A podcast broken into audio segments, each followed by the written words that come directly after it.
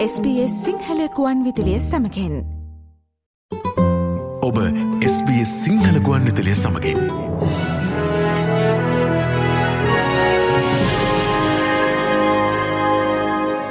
ඇත්තටම ශ්‍රී ලංකාව සහ ඉන්දියාව අතර ආසියානු කුසලානේ දිනාගැනීම සඳහා පවත්වනු තරංගාවලයේදී මොකද ලංකා කණ්ඩායමට වුණේ සියලු දෙනාම ලකුණු පණහකට දැවී ගියා. ඒ පණහත් ලබාගත ඉතාමත්ම අසීරුත් තත්වයක් ඇටතේ. තිස්පන් දහසකට අධික ප්‍රේක්ෂක පිරිසකගේ බලාපොරොත්තු සුන්විසුණු කරමින් සිදුවුණු මේ දේ මොකක්ද.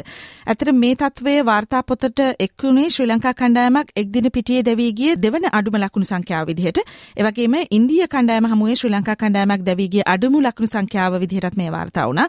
එවගේම ආසියානු කුසලාන ඉතිහාසයේ කණ්ඩායමක් දැවීගිය සහ ඉන්දිය කණ්ඩායම හමුවේ යම්කිසි කණ්ඩායමක් දැවීගිය අඩුමු ලකුණු සංඛ්‍යාවද මේ වෙනවා. ඉතින් ඇත්තටම මේ මොකක්ද උනේ? ඒ සම්බන්ධවයි දැන් අපේ විමසා බැලීම බැලීම ක්‍රීඩාමාධවේදී රංගන සෙනවිරත්නටයි දැන් අපේ ආරාධනාව යොමු වෙන්නේ රංගන ආයිබෝවන් ඇත්තටම මොකද්ද මේ ලංකා කණ්ඩායමට ඊයේ සිදුවුනේ අයිබුවන් දිල්රුක්ෂයේ මං හිතන්නේ මේ තරගේ පිළිබඳව කතාබහ කරන විට අපි මුලින්ම අවධානය යොමු කළ යුතු කාරණාව තමයි ඕනෑම කණ්ඩායමකට මේ ආකාරයේ පරාජයක් සිදුවිය හැකි මේ ආකාරයෙන් අඩු ලකුණු සංඛ්‍යාවකට නැතිනම් ලකුණු හතලිහක් පණහක් හැටකට වැනි අවස්ථාවක දැවීයාමට ඉඩක් තිබෙනවා හැකියාවක් තිබෙනවා. මේක අමුතු දෙයක්වත් මීට පෙර කිසිදු කණ්ඩායමකට සිදු නොවුණු දෙයක්වත් නොවේ. නමුත් මෙතන තියෙන ප්‍රශ්නය තමයි ඇයි ශ්‍රී ලංකාව මේ වගේ අවස්ථාව අවස්ථාවක මේ වගේ වැසි සහිත කාලගුණයක් තියෙන මේ ඕවර්කාස්ට් කන්ඩිෂන් එකක් තියෙන අවස්ථාවක කාසියේ වාසියේ ජයග්‍රහණය කරලා මුලින්ම පන්දුවට පහර දුන්නේ කියන එක තමයි මෙතන ප්‍රශ්නාර්ථයක් මතුවෙන්නේ. තරඟයේ පරාජයට පත්වීමටත් වඩා මෙන්න මේ තීරණය ලබා ගැනීම. කළමනාකාරීත්වයේ ඇයි මේ තීරණය ගත්තේ නායකයා පුහුණුකරුවා ඇතුළු කණ්ඩායම මේ වගේ තීරණයකට එළඹුණේ ඇයි කියන එක තමයි ප්‍රශ්නාර්ථය. ඒ වගේම යම් විදිහකින් එවැනි තීරණයක් ගත්තා නම් ඒ තීරණයට ශ්‍රී ලංකා පිතිකරුවන් ඇයි මේ ආකාරයේ ප්‍රතිචාරයක් දැක්වුවේ කියන එක තමයි ප්‍රශ්නාර්ථයක් බවට පත්වන්නේ. ඔවුන් දැනගත යුතුව තිබුණා මේ පන්දුවාර යම් ආකාරයකින් මේ වේග පන්දු යවන්නන්ට තරතීරුව සහයෝගය දක්වන්නේ මුල් පන්දුවාර 10 15 වෙන්නට පුළුවන්. මේ අවස්ථාවේදී කොයි ආකාරයෙන්ද පන්දුවට පහර දිය යුත්තේ කියන කාරණාව පිළිබඳව පිතිකරුවන් මීට වඩා දැනුවත්ව සිටිය යුතුව තිබුණා. ඒ කාරණාව සම්බන්ධයෙන් පුහුණුකරුවා සහ පිතිකරන පුහුණු පුහුණුකරුවා. ශ්‍රී ලංකා පිතිකරුවන්ව දැනුවත් කළ යුතුව තිබුණා. මේ දැනුවත් කිරීම නිසියාකාරව සිදුවනාද ඇයි කාසේවාසය ජයග්‍රහණය කිරීමෙන් පසුව මුලින්ම පන්දුට පහර දුන්නේ? මෙන්න මේ වගේ වැරදි තීරණ ලබාගත්තේ ඇයි කියන කාරණාව තමයි මෙහිදී අපි සලකා බැල යුත්තේ. මහිතන්නේ මේ තරතේරුවට සහ මේ ඕවකාස් කන්ඩිෂන් එකට ගැලපෙන ආකාරයෙන් පිතිකරුවන් පන්දුට පහර නොදීම තමයි මේ ආකාරයෙන් දැවන්ත ලෙස කඩා වැටීමකට ප්‍රධානතම හේතුව බවට පත්වනේ මෙහිදී මේ පිතිකරුවන් මේ වගකීම බාරගන්නට ඕනේ. ඔවුන්ට අනවශ්‍ය කලබලයක් තිබුණා. ඉවසීමක් තිබුණේ නැහැ. ඉතින් මෙන්න මේ తත්වය අපි පසුගිය කාලේ පුරාම දක්නට ලැබුණා අපිට. පසුගේදා ශ්‍රී ලංකාවේ ප්‍රධාන පුහුණුකරුවා ඒ වගේම සහායක පුහුණුකරුවත් සඳහන් කරපු කාරණාවක් තමයි දසුන් ශානක ධනංජයද සිල්වා ලකුණු අතරට පැමිණිය යුතු බව. දසුන් ශානක නායකයා වශයෙන් දිගින් දිගටම තරඟ ගණනාවක් අසාර්ථක වී තිබෙනවා පිතිකරුවෙකු ලෙස. මෙන්න මේ පීඩනයෙන් ගැලවෙන්නට තවමත් දසුන් ශානක නායකයා වශයෙන් සමත් වෙලා නැති බවත් අපට ඊයේ දිනේදී දක්නට ලැබුණා. ඒ අනුව ශ්‍රී ලංකා පිතිකරුවන් මීට වඩා ඉනිමක් ගොඩනගන්නේ කොයි ආකාරයෙන්ද කියන කාරණාව වගේම සංවිධානය විය යුතුයි. ඉනිමක් ගොඩනගන ආකාරය පිළිබඳව මීට වඩා සැලස්මක් තිබිය යුතුයි. ඉතින් මෙන්න මේ සැලස්මක් තිබුණේ නැහැ. තනතීරුවට අනුකූලව පන්දුවට පහර දුන්නේ නැහැ.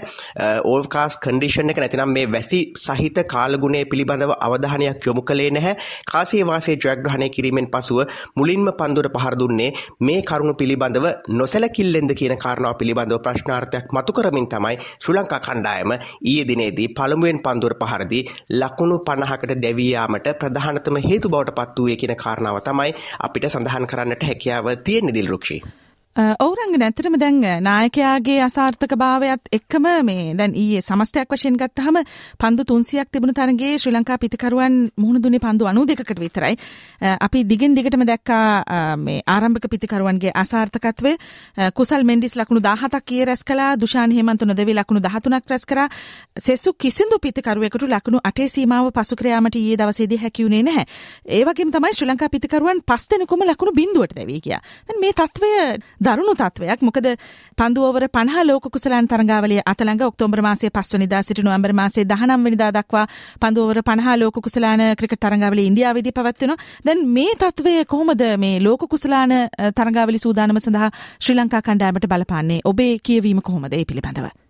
ඕ මංහිතන්නේ ලෝක කුසලාන තරංගාවලියට මේ පරාජය කොයි විදිහටද බලපාන්නේ කියන කාරණාව ගත්තොත් පළමුවෙන්ම අපි මේ තරංගාවලි පරාජය මෙතනින් අමතක කරන්නට ඕනේ. අලුත් තරංගාවලියක් ලෙස තමයි ඊළඟට ලෝක කුසලාන තරංගාවලියට පිවිසෙන්නට ඕනේ. වගේම මේ තරංගාවලියෙන් ලබාගත් ධනාත්මක දේවල් මොනවද කියලා අපි කණ්ඩායමක් වශයෙන් එකට එකතු වෙලා සාකච්ඡා කරන්නට ඕනේ. විශේෂයෙන්ම තරංගාවලියට ශ්‍රී ලංකාව එකතු වෙන්නේම පන්දු යවන්නන් කිහිප දෙනෙකුම ප්‍රධාන පන්දු යවන්නන් කිහිප දෙනෙකුම නැතුව. ඉතින් එවැනි තත්ත්වයක් යටතේ පවා අවසන් මහා තරගයකට සුදුසුකම් ලබන්නට ශ්‍රී ලංකාව කණ්ඩායමක් වශයෙන් සමත් වුණා මේ පිළිබඳව සතුටු වෙන්නට ඕනේ ලෝකයේ එක්දින ශ්‍රේණිගත කිරීම වල අංක එකේ කණ්ඩායම පාකිස්තානයේ පරාජයට පත් කරන්නට ශ්‍රී ලංකාව සමත් වුණා. ඉතින් මෙන්න මේ ජයග්‍රහණ පිළිබඳව මුලින්ම සතුටු වෙන්න ඕනේ සහ ඒ පිළිබඳව නිසි ඇගයීමක් ලබා ගන්නට හැකියාව තියෙන්න ඕනේ. ඉන් අනතුරුව කොතනද වැරදුනේ කියන කාරණු කාරණා පිළිබඳව අවධානය යොමු කරන්නට ඕනේ.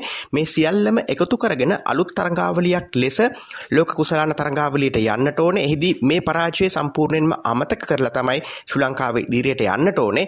මෙහිදී වැදගත් වෙනවා පිතිකරුවන් මීට වඩා වගකීම දරන්නට පුරුදු වෙන්න ඕනේ. ඉන්දියාවේ තනතිරුවල තරඟාවලිය පැවැත්වෙන්නේ. ඒ කියන්නේ මේ ශ්‍රී ලංකාවට බොහෝ සෙයින්ම සමාන තනතිරුවල තමයි ලෝක කුසලාන තරඟාවලිය පැවැත්වෙන්නේ. ඉතින් ශ්‍රී ලංකාව මීට වසර කිහිපයකට පෙර අවධානය යොමු කළ යුතුව තිබුණා මේ ලෝක කුසලාන තරඟාවලියේ මූලික වටේ තරඟ නමය පිළිබඳව.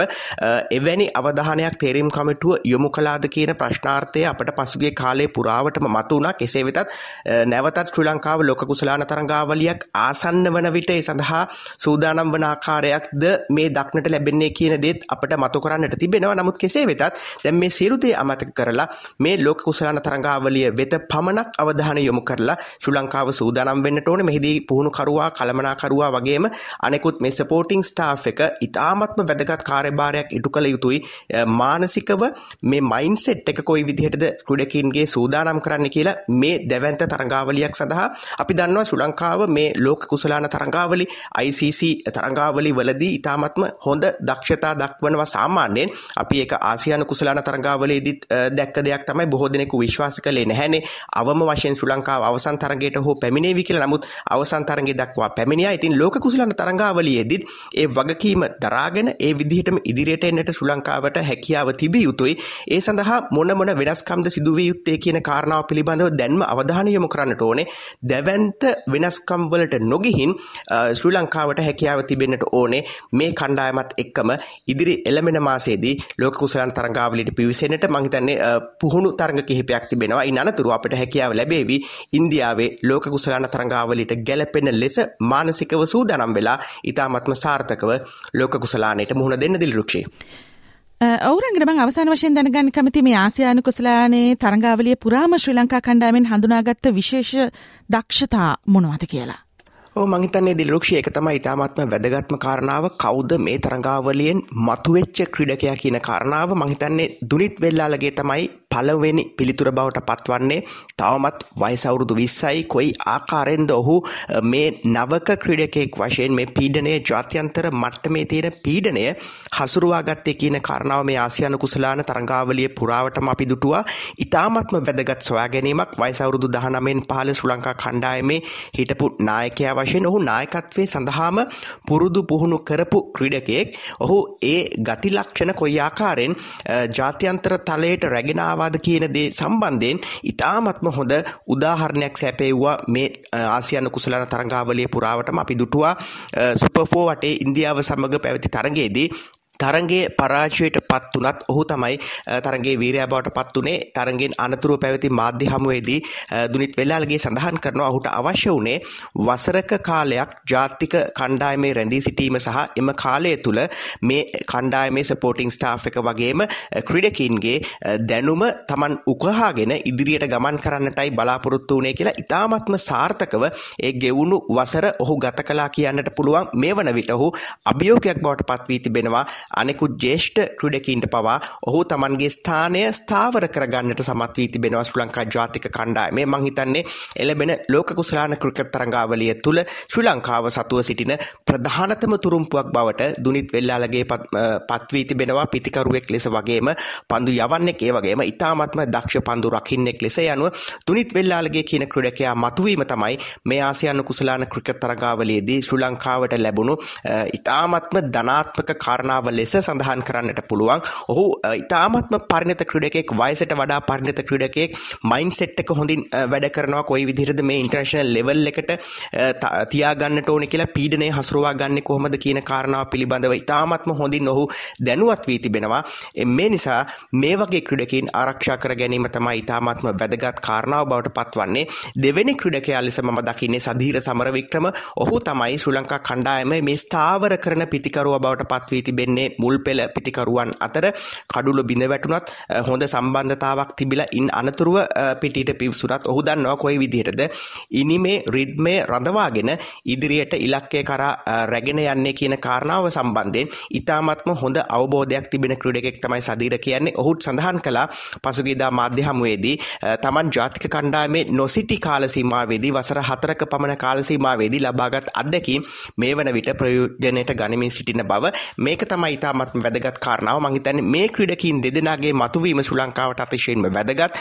මේ තත්ත්වයක් එක්ක ශ්‍රී ලංකාවට ඉදිරියේදී මේ ක්‍රීඩකින් කළමනාකරණය කරගනිමින් ලෝක කුසලාන තරඟාවලියේදී යම් පෙරලියක් කරන්නට හැකියාව ලැබේවි කියන බලාපොරොත්තුව තමයි මේ වන විට ක්‍රීඩා ලෝලීන් වශයෙන් අපි සියලු දෙනාටම තියෙන දිලිරුක්ෂේ බොහොම ස්තුතියි රංගන ඊයේ නිමාවට පත්වුණු ශ්‍රී ලංකා ඉන්දයා ආසියානු කුසලානේ අවසාන තරඟාවලිය ශ්‍රී ලංකා කණ්ඩායමට අත්වුණු ඉරණම පිළිබඳව යම් විමර්ශනයක දෙන්නට අපිත් එක්ක සම්බන්ධ වීම පිළිබඳව ශ්‍රී ලංකාවේ සිට අපිත් එක්ක සම්බන්ධ වුණේ අපේ ක්‍රීඩා මාධ්‍යවේදී රංගන සෙනවිරත්න බොහොම ස්තුතියි ඔබට SBS SBS SBS SBS SBS SBS Radio ලයි කරන්න ෂයා කරන්න අදහස් ප්‍රකාශ කරන්න SBS සිංහල ෆස්බුක් පිටුව ෆලෝ කරන්න.